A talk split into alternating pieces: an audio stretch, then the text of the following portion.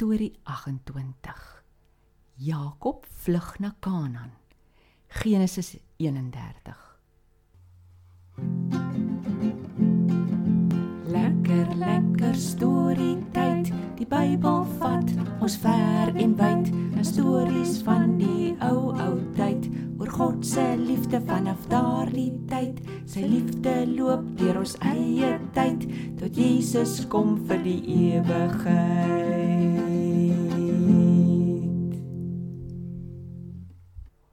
Ai, Tobias.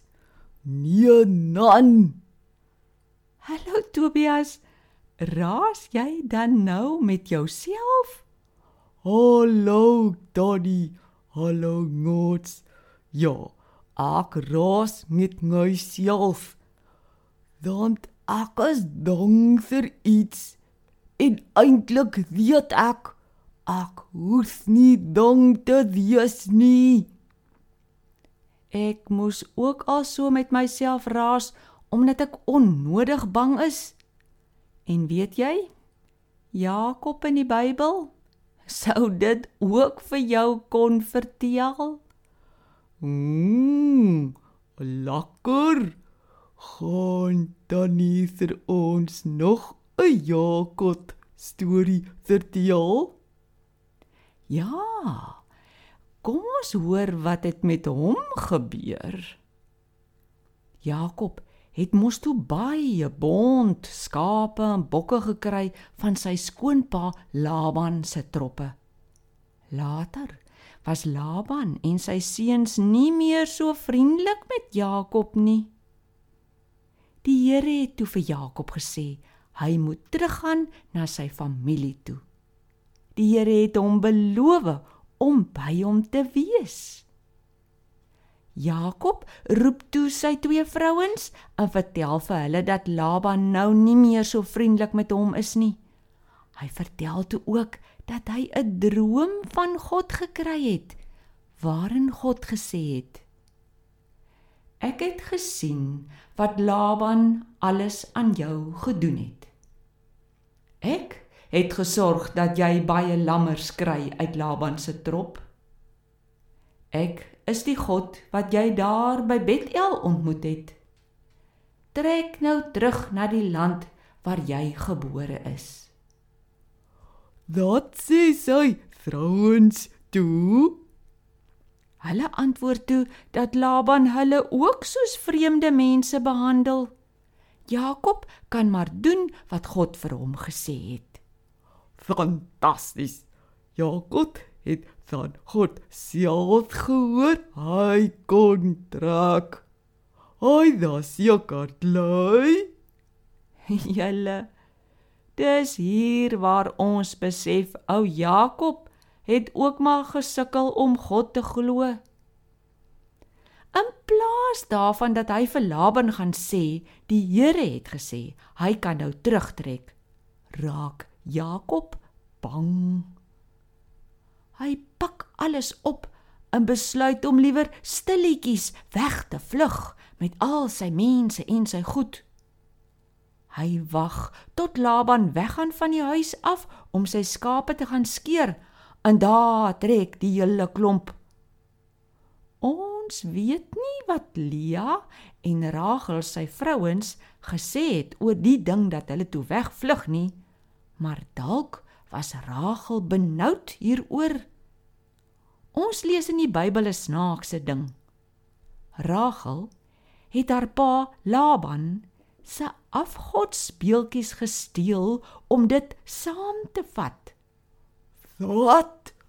Afgods beeltjies? Ja, ons verstaan dit so lekker nie, maar ons dink dat Laban hulle ook gemaak het soos die ander heidene nasies en het beeltjies in hulle huis gehad wat hulle gedink het vir hulle geluk sal bring. Dalk was Rachel so benoud oor die vlugtery dat sy gevoel het sy het iets nodig wat dalk vir haar geluk kan bring. Tannie, maar dieeltjies kan nie vir mens geluk bring nie. Nee, Tobias. En in hierdie storie het dit eintlik groot moeilikheid gebring. Want sien, toe Laban hoor Jakob het gevlug, was hy kwaad.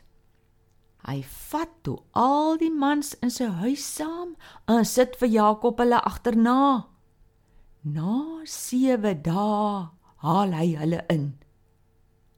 Maar daai nag praat God met Laban in 'n droom. Laban, wees baie versigtig wat jy vir Jakob sê. Toe hy by Jakob kom, raas hy met hom. Wat het jy gedoen? Jy vlug weg met my dogters en kleinkinders. Hoekom het jy vir my gejok? As jy my sou sê jy wil trek, sou ons eers groot partytjie gehou het. Ek kon eintlik vir julle kom seermaak. Maar God het laas nog in 'n droom vir my gesê ek moet versigtig wees wat ek vir jou sê. Jakob antwoord toe dat hy bang was. Dis hoekom hy gevlug het. Maar Laban was steeds kwaad. En vir wat gaan staan en steel jy nog my gode ook? Jakob het nie geweet dat Rachel die beeltjies gevat het nie. Hy antwoord toe: Die een wat die beeltjies gevat het, moet sterf. Soek die goed en vat dit saam terug. O aarde, wat gebeur toe? Laban begin soek toe almal se tente deur. Toe hy by Rachel se tent kom, het sy skelmpies die goed onder 'n sak gesit, daarop gaan sit of haar pa gesê sy kan nie opstaan nie want sy voel nie so baie lekker nie. Laban kry toe niks nie. Aan Jakob raak kwaad. Hy begin vertel vir Laban hoe hard hy nou al vir 20 jaar vir hom werk en hoe skelm hy was teenoor hom. As God nie met hom was nie, sou hy dit nie gemaak het nie. Laban koel darm toe af en sê vir Jakob: Ai Jakob, dis mos my dogters en kleinkinders. Ek sou hulle darm nie regtig seermaak nie. Kom ons maak 'n belofte aan mekaar dat jy nie my dogter sal seermaak of vir jou nog vrouens vat nie en dat jy nie vir my sal kom aanval nie. Ek beloof ook dat ek nie vir jou sal kom aanval nie. Dat maak Jakob toe. Jakob het ingestem. Hy het 'n groot klip laat regop staan en almal daar het 'n groot hoop klippe bymekaar gemaak. Jakob het ook aan God 'n offer gebring en almal het saam geëet. Hy het in God se naam beloof dat hy nie vir Laban sal gaan aanval nie. Hulle het toe die klip en die hoop klippe Galet en Mispa genoem omdat God self hulle sou herinner aan hulle belofte aan mekaar. Die volgende oggend het Laban sy kinders en kleinkinders gegroet en is toe weer huis toe. "Sjoe, daddy, dit daar's onder En omdat dink Jakob het al die moeilikheid oor hom self gedring. Ja, Tobias.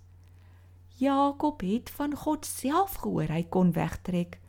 Hy kon God maar net glo dat hy hom sal beskerm. Maar toe doen hy sy eie ding. Gods. Ek dink Ons het vandag na Jakob geleer dat ons eerder op God moet vertrou en nie op ons eie planne nie. As hy gesê het hy sal help, dan sal hy. Ons hoef nie dan ons die nou te wees nie. Ek dink ek sal nou net goed self hieroor gaan praat. Goed. Wil jy ook dalk nou net goed gaan gesels? Ek Italikaan gesels dan weer ander dag met julle. Maats, kom ons leer saam met Tobias by Jakob. Vra God om jou te help en hy sal. Ek groet dan ook en hoop om gou terug te wees met nog 'n Jakob storie. Totsiens almal.